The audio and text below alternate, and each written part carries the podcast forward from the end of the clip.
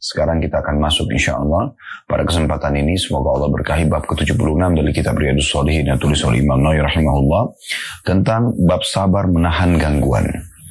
Nah teman-teman sekalian ini juga termasuk salah satu ciri khas kita sebagai seorang muslim dan muslimah, mukmin dan mukminah. Bagaimana sabar itu sangat menonjol dan menjadi sebuah karakter dasar dari setiap muslim. Karena memang kita dianjurkan untuk melakukan atau menghadapi permasalahan yang sedang ada dengan sabar. Kita nggak akan memiliki solusi yang lain.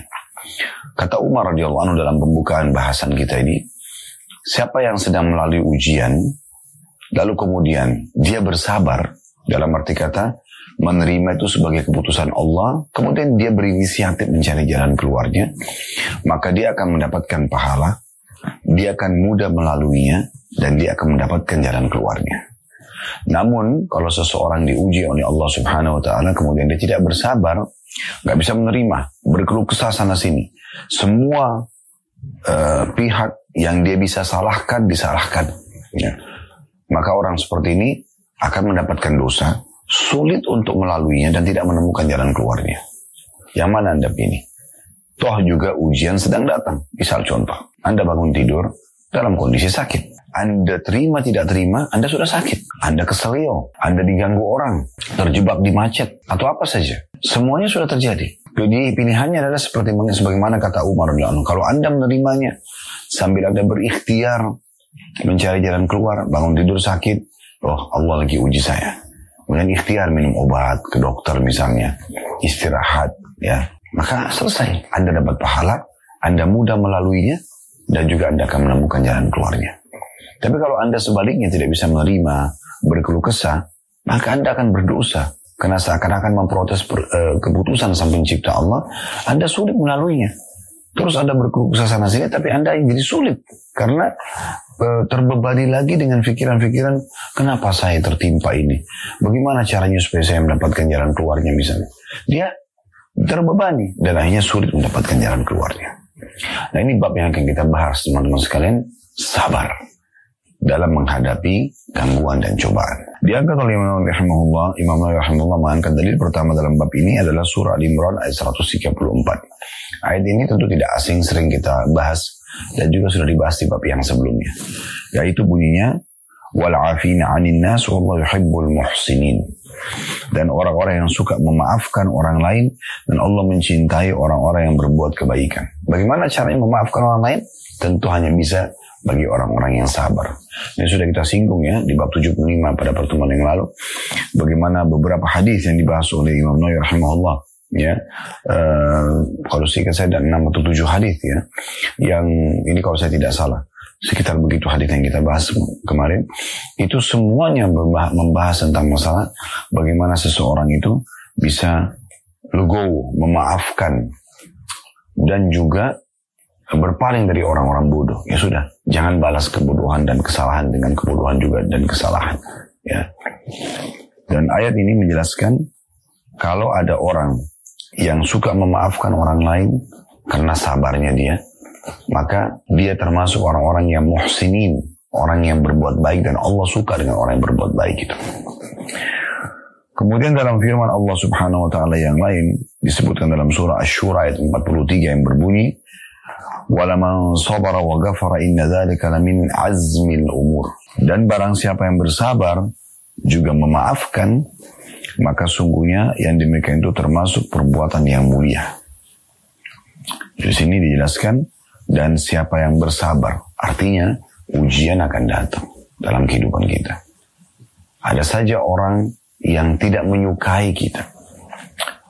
Teman-teman sekalian walaupun Anda berusaha menjadi orang yang paling santun, paling dermawan, paling berakhlak, ya, tetap saja akan datang orang-orang yang tidak menyukai Anda.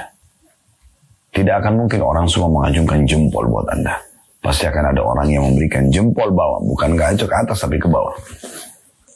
Saya pernah berbicara dengan Dr. Ziyad Abadi, Hafidahullah salah satu guru kami di Jordan. Nama ini sering saya sebutkan karena saya uh, memang banyak bertanya pada beliau tentang hukum-hukum syari dan beliau masya Allah sangat cepat responnya. Saya mengatakan, ada apa sebenarnya Syekh? Saya panggil beliau Syekh. Waktu itu beliau datang ke Indonesia. Saya coba, sudah coba menjadi pribadi yang baik. Artinya, saya tidak mengganggu orang lain. Dan saya coba berusaha menyampaikan agama Allah ini dengan tidak menyinggung, tidak menyebutkan nama orang lain. Kalaupun ada satu keliruan, saya coba minta maaf. Itu pun kekeliruan di pandangan sebagian orang. Mungkin tidak semuanya juga saya pandang itu adalah sebuah kesalahan misalnya. Kalau mau kesalahan saya akuin misalnya. Tapi kenapa masih saja ada orang yang selalu mencari-cari kesalahan. Lalu dia tersenyum dan mengatakan kepada saya, Khalid, apa kau mau orang semuanya begini mana kamu? Tidak mungkin akan ada orang yang seperti ini. Subhanallah, bah, jawaban ini saya pegangi sampai hari ini. Dan saya selalu mengajarkan jawaban seperti ini kepada siapa pun yang saya temuin, yang saya bisa berbagi. Gitu kan. Di YouTube saja ada acungan jempol atas, ya, ada bawah. Dan subhanallah, sebagus apa pun acara yang ada, sering kali masih ada saja orang yang mengacungkan jempol bawah. Ceramah, nasihat, kebaikan, mengajak orang ke agama Allah, ada yang ngacungkan jempol bawah. Saya pernah melihat tilawah Al-Quran, Syekh Abdullah Juhani Hafizahullah, salah satu imam haram yang sangat indah suaranya. Waktu itu saya lagi ingin mendengarkan ayat-ayat Al-Quran, melunakkan hati, ya. Maka pada saat saya dengar, saya eh, ketik nama beliau, kemudian saya klik, uh, kemudian saya klik saja untuk saya dengarkan, tanpa saya perhatikan masalah jempolnya gitu. Tapi setelah selesai saya dengar 15-20 menit, subhanallah, saya tidak sengaja melihat acungan jempol itu. Ada yang acung jempol ke bawah. Kalau kita pikir-pikir, orang ini untuk apa datang mendengarkan Al-Quran, kemudian dia acung jempol ke bawah? Apa manfaatnya buat dia? Ya udah, dia cari cuplikan yang yang menurut dia baik. Dia mau nonton sesuatu yang buruk pun dalam pandangan agama itu hak dia. Dia akan tanggung sendiri dosanya. Tapi dia masuk ke channel Al-Quran, Imam Haram, yang tulus membaca Al-Quran, lalu kemudian dia acungkan jempol ke bawah. Subhanallah saya mengatakan maha suci Allah. Yang mendatangkan, ada saja ya ujian-ujian datang kepada seorang hamba dan ada saja orang yang seperti ini. Jadi kalau datang ujian dari atau gangguan dari orang lain, maka Anda Nikmati saja itu. Anggap itu adalah sebuah ujian dari Allah Subhanahu wa taala agar kita lebih dekat kepadanya, agar kita bisa meraih pahala sabar. Karena tidak mungkin kita mendapatkan pahala sabar kecuali dengan ujian. Ya. Kalau nggak ada ujian kita nggak akan mendapatkan pahala sabar. Sementara Allah mengatakan dalam satu ayat firman, eh, dalam firman-Nya dalam Al-Quran, Inna ma yuwaffas sabiruna ajram hisab. Sesungguhnya orang-orang sabar akan mendapatkan balasan tanpa ada hitungannya lagi. Sangat luar biasa gitu. Dan dalam sebuah riwayat sahih dikatakan, Nabi SAW bersabda, andai saja orang-orang yang orang-orang melihat pada hari kiamat ya, andai saja orang-orang melihat pada hari kiamat, bagaimana balasan terhadap orang-orang yang sabar selama dunia, maka mereka yang mereka itu berharap kembali ke dunia untuk digunting-gunting kulit mereka. Cari cobaan yang paling berat, sakit sekali. Gunting. Ya, digunakan untuk menggunting-gunting kulit kita sakit sekali. Tapi mereka berharap itu kata Nabi SAW agar mereka mendapatkan balasan orang-orang yang sabar. Oleh karena itu ujian memang akan datang. Dan Nabi SAW mengatakan dalam sebuah hadis yang sahih juga Inna Allah idha ahabba abdan ibtalah. Kalau Allah cinta seorang hamba Allah akan mengujinya. Subhanallah. Kenapa Allah menguji? Kenapa bentuk cintanya Allah adalah ujian? Agar kita menyadari kita punya Tuhan yang mengatur dan di saat itu kesempatan emas kita mendekatkan diri kepadanya. Di saat lagi ada ujian, air mata kita mudah untuk menetes. Hati kita lebih lunak.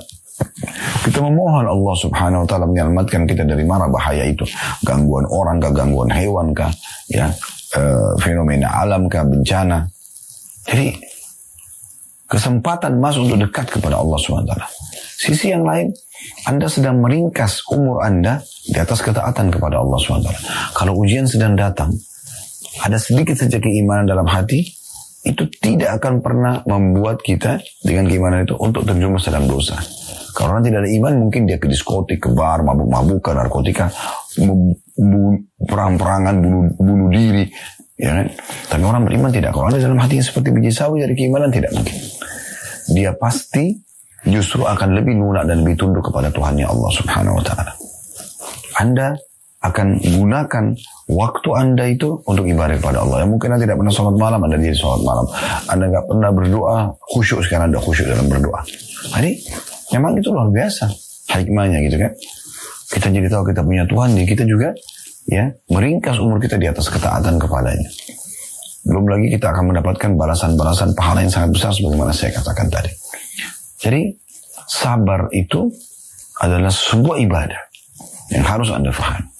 Kalau awan mendapatkan ujian lalu kemudian dia tidak bersabar, malah dia keluh kesah, maka nggak ada faedah dari, dari daripada ujian tersebut.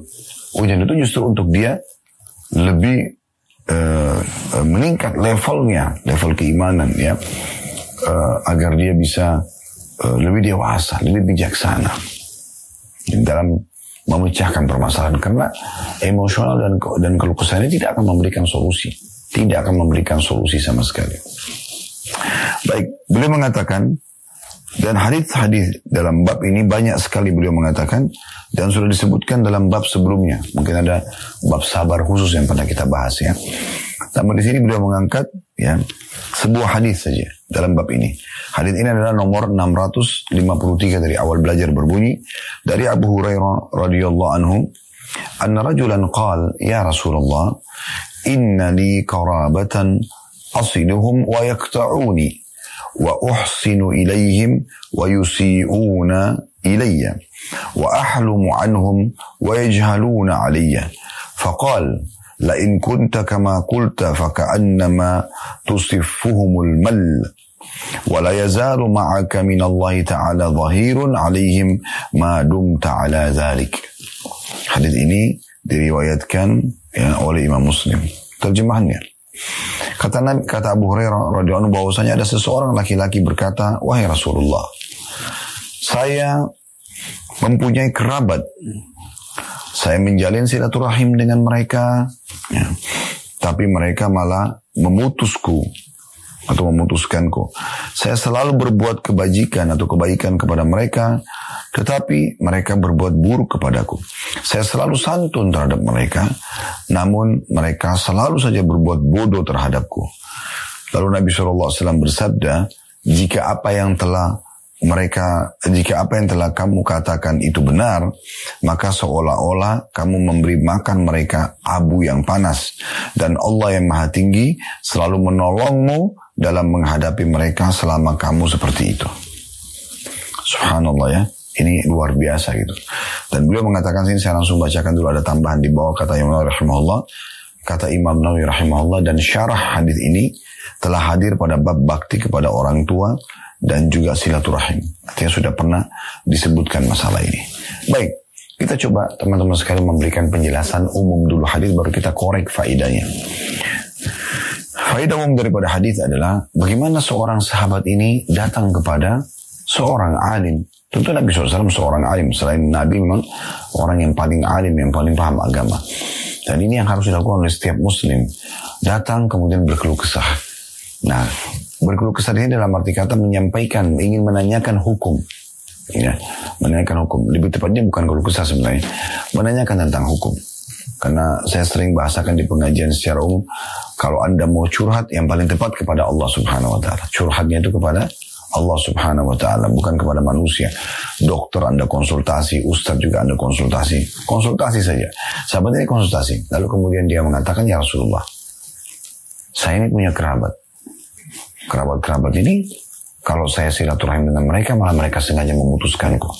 Artinya, saya datang, mereka nggak datang. Gitu. Ya. Saya berbuat baik sama mereka, mereka justru berbuat jahat padaku. Saya santun dengan mereka, mereka malah berbuat bodoh terhadap jadi semua perbuatan baik ini dianggap remeh. Ya, bahkan dijadikan bahan olok-olokan. Kata Nabi SAW, kalau kau benar apa yang kau kerjakan, maka kau akan mendapatkan dua hal. Yang pertama adalah, kamu seakan-akan sedang memberikan, masukkan ke dalam mulut mereka, abu panas. Maksudnya, mereka itu sebenarnya akan tersiksa dengan itu.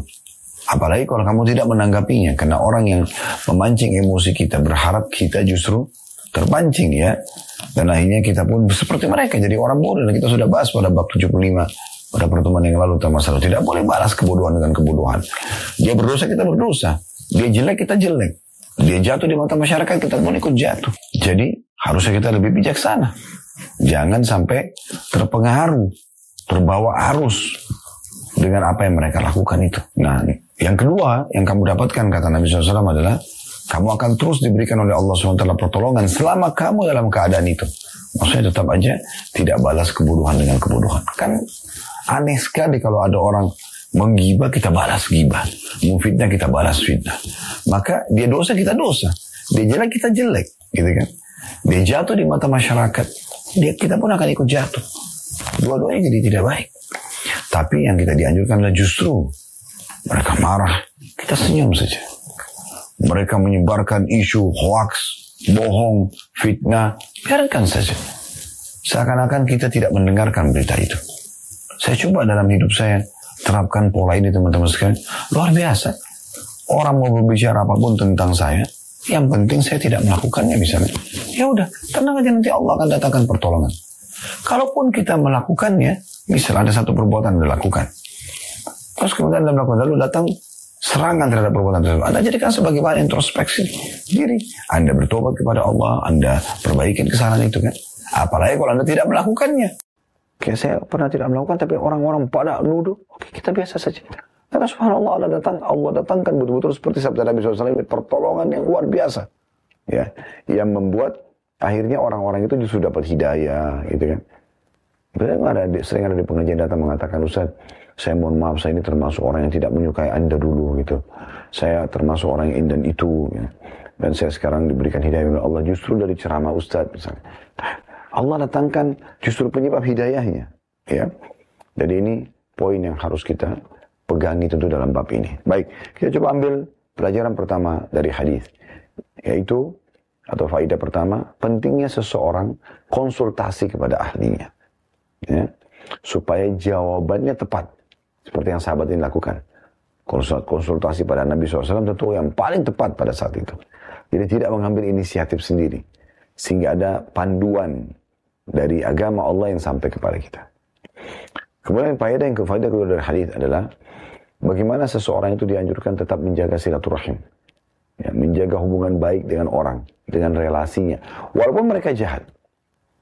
Kita jangan balas mereka dengan kejahatan. Biarkan saja nanti orang itu bisa memilih sendiri atau orang sekitar kita akan memilih dengan sendirinya. Dan ini mahal sekali ilmunya teman-teman sekalian. Ya, jangan balas kebodohan dengan kebodohan. Ingat, saya selalu ulangi ini dalam pengajian. Menuju ke akhirat teman-teman yang tentu kita semua pasti demi Allah akan menuju ke sana. Saya dan Anda akan meninggal satu saat nanti. Kita tidak tahu siapa yang duluan. Tapi kita akan menuju ke akhirat. Dan iman kita, rukun iman kita yang kelima iman kepada hari kiamat. Dari mulai prosesi kematian sampai hari kebangkitan sampai masuk surga atau masuk neraka. Ya. Ini harus kita yakini. Menuju ke akhirat bawa dua hal. Bawa amal soleh dan teman soleh. Selalu sibuk. Dari amal soleh ke amal soleh yang lain. Selalu bersahabat, berinteraksi dengan orang-orang soleh. Yang mereka nanti bisa memberikan syafaat buat kita pada hari kiamat. Dalam sebuah riwayat disebutkan, Nabi SAW mengatakan akan ada orang di hari kiamat dikeluarkan dari neraka. Ahli neraka saling ngobrol satu sama yang lain. Ini apa yang mengeluarkan orang ini? Apakah ada amal soleh yang dikerjakan? Ya. Maka mereka mengatakan setahu kami tidak, setahu kita tidak ada. Mereka saling diskusi, diskusi bukan diskusi, saling ngobrol gitu ahli neraka. Heran kok bisa orang ini bisa selamat, padahal sudah dibakar di neraka. Maka akhirnya datang jawaban dari malaikat yang mengatakan, sesungguhnya dia punya teman orang soleh yang memberikan syafaat kepadanya. Maka dikeluarkan gara-gara pertolongan orang soleh itu. Dan ke akhirat, sebaliknya jangan bawa dua hal. Jangan bawa dosa, selalu bertobat. Nah, dosa kan memberatkan kita. Dan yang kedua, jangan bawa musuh. Ya. Sibuk terus saja buat masalah dengan orang. Kalau Anda digibah oleh orang lain, kalau Anda balas dengan gibah, ini secara hukum agamanya, akan dilihat oleh Allah SWT pada hari kiamat nanti, apakah berimbang atau tidak. Kalau berimbang gibah dia sama gibah Anda, maka balance. Ya. Tapi kalau balasan Anda lebih sedikit daripada perbuatan dia, maka Anda akan dapat selisihnya. dalam bentuk pahala. Kalau perbuatan Anda balasan Anda lebih besar daripada perbuatan dia, misalnya dia gibah tapi Anda balas dengan membunuh misalnya, maka dia justru akan mendapatkan balasan imbalan selisih daripada kejahatan Anda lakukan. Coba bayangkan, lalu untuk apa kita membalas orang lain? Untuk apa kita ikut-ikutan bodoh? Yang sudah kita singgung pada bab yang lalu lengkap sekali tentang masalah bagaimana seseorang itu berlapang dada memaafkan dan berpaling dari perbuatan orang-orang bodoh. Faedah ketiga dari hadis yang kita ambil adalah bagaimana orang-orang yang berbuat kejahatan, memutus silaturahim, selalu sibuk bangun tidur memikirkan bagaimana menyalahkan orang lain, menggibah orang lain, memfitnah orang lain, memukul orang lain, menipu orang lain. Itu aja kesibukannya. Maka orang-orang seperti ini, itu dia akan terkalahkan dengan perbuatannya. Allah akan bongkar aib-aib dia. Dalam hadis ini disebutkan, kalau si fulan tadi yang datang bertanya kepada Nabi SAW ini bersabar, tetap santun dengan silaturahmi dengan kerabatnya yang yang yang uh, memutus hubungan dengan dia, berbuat jahat dengan dia, justru dia akan selalu mendapatkan pertolongan. Maknanya apa? Yang berbuat kejahatan akan terkalahkan. Ya. Allah menyebutkan dalam firman-Nya wa qul ja'al haqq wa zahaqal batil dan batil akan zahuka. Katakanlah kalau kebenaran itu datang maka akan mengalahkan yang batil. Karena batil itu pasti akan hilang. Ya mungkin tidak. Lagian juga teman-teman sekalian, untuk apa kita menjadi orang yang buruk? Saya masih kadang-kadang bingung melihat ada orang yang mau menjumuskan dia menjadi orang yang buruk. Dia suka gosipin orang, suka pukul orang, suka menipu orang, suka menyerang orang. Untuk apa? Manfaatnya buat dia apa? Kenapa nggak enak-enak aja? Makan, tidur, jadi orang baik saja. Senyum, karena enak. Dia bahagia, orang sekitarnya juga menyukainya. Allah pun menyukainya. Di dunia dia bahagia, di akhirat dia bahagia. Daripada Anda bangun tidur, cuma tahu emosional, cari kesalahan orang, bagaimana menipu orang. Ini semua bagaimana menjatuhkan orang lain karena dianggap saingannya. Maka Anda hidup tidak tenang. Anda sendiri tidak bahagia, orang lain tidak menyukai Anda, Allah pun tidak menyukai Anda. Malah bisa berdosa. Ya. Nah ini poin yang harus digarisbawahi ini faedah daripada hadisnya. Karena di bab ini hanya ada sebuah hadis saja, kita akan coba lebih panjang lebar menjelaskan tentang masalah sabar itu sendiri. Baik, teman-teman sekalian, kalau seandainya sedang ada musibah yang datang, cobaan yang datang, maka kita jadikan poin pertama. Ini kiat-kiat untuk menghadapi permasalahan. Poin pertama, introspeksi diri. Muhasabah bukan sibuk menyalah-nyalahkan orang. Walaupun saya benar Ustaz, walaupun Anda benar. Tanganlah introspeksi diri. Sebagian salaf, ya ulama-ulama dulu, dari sahabat, dari tabi'in, yang memang mereka memahami agama ini dengan benar, sesuai dengan wahyunya, Al-Quran dan Sunnah, ya panduan dari wahyu. Maka mereka itu, kalau sampai jalan dan kakinya kesentuh batu saja, maka mereka mengucapkan innalillahi wa inna Lalu mereka introspeksi diri. Ada di antara mereka yang kalau kecium bau busuk saja, dia lewat di sebuah tempat, mungkin di situ ada sampah, tapi cium bau busuk, mereka langsung introspeksi diri. Ada apa ini? Disebutkan dalam Al-Quran Nabi Daud alaihissalam, Allah sengaja lemparkan bangkai di depan singgasananya, langsung beliau sujud. Tidak mau angkat sampai datang wahyu menjelaskan apakah beliau sholat atau tidak. Dan turun firman Allah SWT tentang kami mengujimu hai Daud. Jadi introspeksi diri. Apa pun yang mengganggu kita, langsung introspeksi diri. Ada apa ini? Ada kesalahan apa? Itu yang paling tepat. Yang kedua teman-teman, yang Anda bisa lakukan, jangan lupa ucapkan kalimat istirja. Istirja, inna lillahi wa inna ilaihi rajiun. Kami milik Allah dan kami akan kembali kepada Allah. Allahumma ajurni fi musibati wa khulufli khaira minha. Ya Allah, Berikanlah aku pahala dalam musibahku ini dan gantikan aku yang lebih baik. Ini hadis yang masyhur, hadis Ummu Salamah radhiyallahu anha. Saya bacakan bahwasanya Ummu Salamah, istri Nabi SAW berkata, saya mendengarkan Rasulullah SAW bersabda, "Ma min abdin tusibuhu musibatun, fayakulu inna lillahi wa inna ilaihi raji'un." Tidak ada seorang hamba ya yang tertimpa satu musibah kemudian dia mengucapkan kami milik Allah kami akan kembali kepada Allah Allahumma Allahumma ajurni atau ujurni ya Allahumma jurni fi musibati. Ya Allah tolonglah atau berikanlah aku pahala dalam musibahku ini. Ya atau balasan atau ganjaran ya dalam musibahku ini wa akhlif li khairan minha dan gantikan aku dengan sesuatu yang lebih baik. Dan itu yang kita ucapkan kalimat istirja. Innalillahi wa inna ilaihi rajiun. Kami milik Allah kami akan kembali kepada Allah. Allah majurni fi musibati. Ya Allah berikanlah aku balasan yang besar dari musibahku ini. Wa akhlif li khairan minha dan gantikan aku lebih baik daripadanya. Maka kata Nabi SAW ya Nah, beliau mengatakan ini, qalat falamma tuwfiya Abu Salama qultu kama amarani Rasulullah sallallahu alaihi wasallam. Ya. Maka pada saat wafat suamiku Abu Salama, aku mengamalkan dan mengucapkan apa yang telah diperintahkan Rasulullah SAW ini. Ya. Fa'akhlafallahu li khairan minhu Rasulullah SAW. Maka Nabi SAW maka Allah pun menggantikan untukku Abu Salamah yang lebih baik dari dia yaitu Rasulullah SAW. Ya.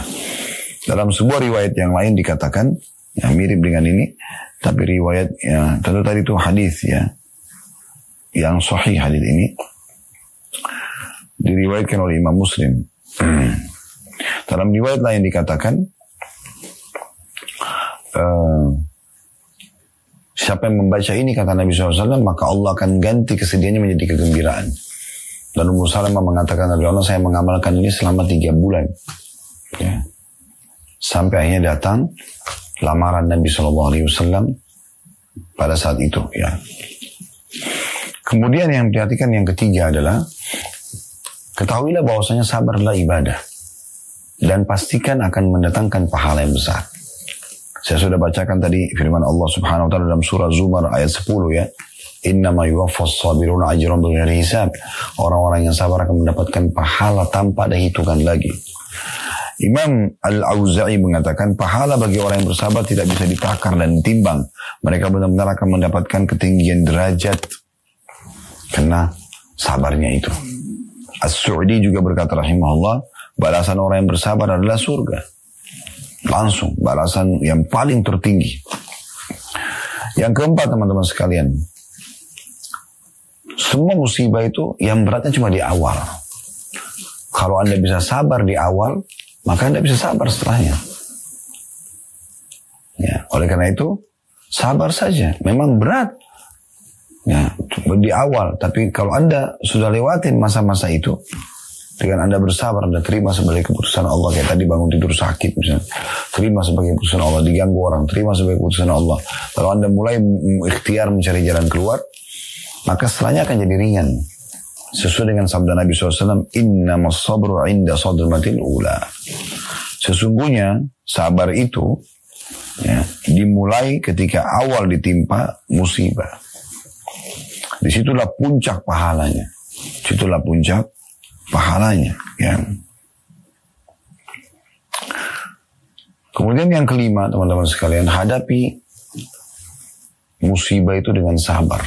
Maksudnya, coba cari tahu keutamaan sabar. Di antaranya kita sebutkan tentu masih banyak yang lainnya. Sebagai contoh misalnya kata Ali radhiyallahu anhu as-sabru minal imani bi manzilati ra's minal jasad wala imana liman la sabra lahu. Sabar dan iman adalah bagian kepala. Sabar itu dari keimanan posisinya dalam keimanan seorang mukmin ya, tolak ukurnya. Sabar itu kedudukannya dalam iman itu sama dengan kedudukan kepala dari jasad. Dan tidak ada keimanan bagi orang yang tidak sabar. Anda bisa bayangkan kalau manusia eh, tidak ada kepalanya mati. Ya. Artinya kalau tanpa sabar tidak bisa hidup. Maka coba cari tahu tentang keutamaan-keutamaannya. Banyak sekali hadis menyebutkan masalah sebagaimana tadi sudah kita singgung juga ya. Kemudian selanjutnya teman-teman sekalian, yang keenam adalah ketahuilah di setiap ujian akan ada akhirnya. Asal Anda bersabar. Firman Allah SWT yang masyur, fa inna ma'al usri yusra. Allah ulangi lagi inna ma'al usri yusra. Dalam ayat yang masyur ya. Sesungguhnya sesudah kesulitan akan ada kemudahan. Lalu Allah ulangi lagi. Dan pastikan inna itu harfu ta'kid. Inna ma'al usri yusra. Pasti di setiap kesulitan akan ada kemudahan. Bukankah Anda selama ini selalu melalui, sudah melalui banyak sekali ujian? Dan bukankah Anda sudah keluar dari permasalahan itu sekarang? Walaupun akan ada ujian-ujian lagi ke depannya. Iya pasti. Allah memberikan jalan keluar. Tapi beruntunglah orang yang keluar sudah mengambil pelajaran. Mendapatkan maksimal pahala. Kalau Anda ikut dalam satu pelatihan di sebuah camp misalnya. Pasti Anda tidak langsung spontanitas ya. Uh, betah di tempat pelatihan itu. Bahkan kadang-kadang walaupun hotel bintang 5. Programnya padat. Kalau Anda sabar laluin, dari pagi sampai malam pelatihannya. Di luar kota misalnya. Sampai Anda selesai, tiga hari, lima hari pelatihan. Nanti Anda akan rasakan ya, kenikmatannya. Subhanallah saya pada tahun lalu haji, semoga Allah SWT terima dan kabulkan dan memudahkan juga bagi teman-teman yang belum haji untuk bisa haji.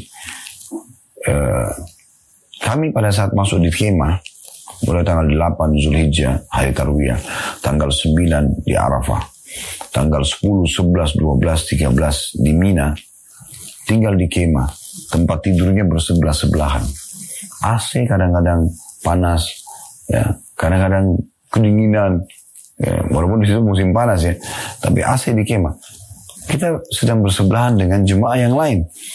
Ada yang suka dingin, ada yang tidak suka dingin. Ya. Pada saat yang tidak suka dingin mematikan AC, yang suka dingin kepanasan. Kadang-kadang juga ada orang yang yang suka dingin membiarkan AC menyala. Yang tidak suka dingin kedinginan, kesian. Gitu kan. Makan bersebelahan. Ya. Karena ada orang tidur lalai. Mungkin dia ngorok, maaf. Mungkin dia ngigau, maaf. Mungkin dia keluarkan angin. Bersama-sama dengan orang semua. Ya. Tetapi pada saat kami sudah selesai meninggalkan kema ini dan kami masuk ke hotel bintang 5, pada saat itu semua masing-masing sudah di kamarnya, udah nggak bersebelah-sebelah lagi. Justru yang dirindukan oleh semua jemaah yang membahasakan ke kami pada saat suasana di kemah itu. Subhanallah, ya. Yang kita anggap tadinya ujian, ya dalam arti kata, aduh gimana ya, pakaian yang kita bawa juga pas-pasan, kamar mandinya masih antri dan segala macam. Sekarang kita sudah di kamar sendiri, justru itu yang dikenang, justru itu yang paling eh, berharga pada saat sedang uh, kita lalui. Nah itu luar biasa.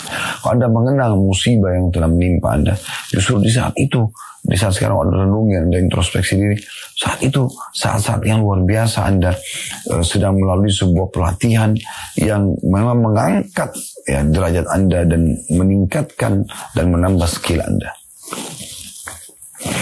Selanjutnya teman-teman sekalian, yang ketujuh ya, itu kita perlu ketahui bahwasanya orang semua akan diuji. Dan makin berat ujian, maka makin besar pahalanya. Yang sangat masyhur hadis di mana ada seorang sahabat mengatakan ya Rasulullah, ayun nasi asyaddu balaan.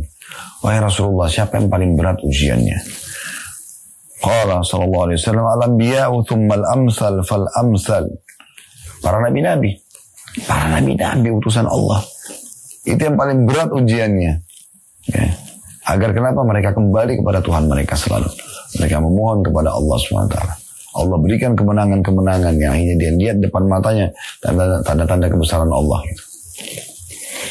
Kemudian yang mendekati iman para iman, eh, para para malaik, para nabi-nabi, dan selanjutnya juga orang yang mendekati iman-iman orang yang dekat dengan imannya para nabi-nabi tersebut. Fayubtala rajulu ala hasba dinihi. Maka seseorang akan diuji sesuai dengan kadar kekuatan agamanya. Fa in kana dinuhu sulba ishtadda bala'u. Kalau agamanya kuat, justru lebih berat ujiannya. Wa in kana fi dini riqqah ubtuliya ala hasabi dinihi. Dan kalau imannya lemah, agamanya lemah, maka akan diuji sesuai dengan kadar kemampuannya saja fala yabrah ya. Nah, fala yabrahil bala fala yabrahil bala bil abdi hatta yatrukahu yamshi 'ala al-ardi ma 'alaihi khati'ah. Seorang hamba senantiasa mendapatkan cobaan hingga dia akan berjalan di muka bumi dalam keadaan bersih dari semua dosa. Solusi yang selanjutnya, yang kedelapan. Kalau Anda mau ringan dalam menghadapi cobaan Anda, ingat cobaan-cobaan yang datang kepada Nabi Shallallahu Alaihi Wasallam. Beliau menjamin Shallallahu Alaihi Wasallam kalau mengingat musibah datang kepada Nabi, maka akan menjadi ringan musibah kita. Coba renungi sabda Nabi SAW. Ya. Yang berbunyi, liya'zi, liya'zil muslimina fi masaibihim al-musibatu bi. Yang artinya, musibah menimpaku sungguh akan menghibur kaum muslimin. Dan dalam, dalam lafaz lain, man azamat musibatuhu falyadhkur musibati. Siapa yang telah merasa berat dengan musibahnya, ingat musibah yang menimpaku. Fa innaha satahawwanu alaihi musibatahu. Karena sungguhnya itu pasti akan meringankan musibahnya. Mungkin ada bertanya, musibah apa Ustaz yang menimpa Nabi Shallallahu Alaihi Wasallam? Sederhana sekali jawabannya. Beliau orang mulia di kaumnya di Mekah. Jalur nasabnya jelas, punya kekayaan, ya, istrinya pun mulia orang toko orang terkaya di Mekah Khadijah. Beliau tinggal di komplek perumahan toko-toko orang Mekah. Tampan, ya, pintar, semua berkumpul pada diri beliau Sallallahu Alaihi Wasallam. Ya. Jadi nggak ada nggak ada yang kurang dari Nabi SAW. Tapi terjadi apa dalam hidup beliau diuji sama Allah SWT. Waktu beliau menjadi seorang Nabi, apa yang terjadi? Yang paling pertama menolak paman kandungnya sendiri, Abu Lahab. Dan Abu Lahab ini selain paman juga adalah besannya Nabi. Karena anak Abu Lahab laki-laki menikah dengan anak perempuan Nabi SAW.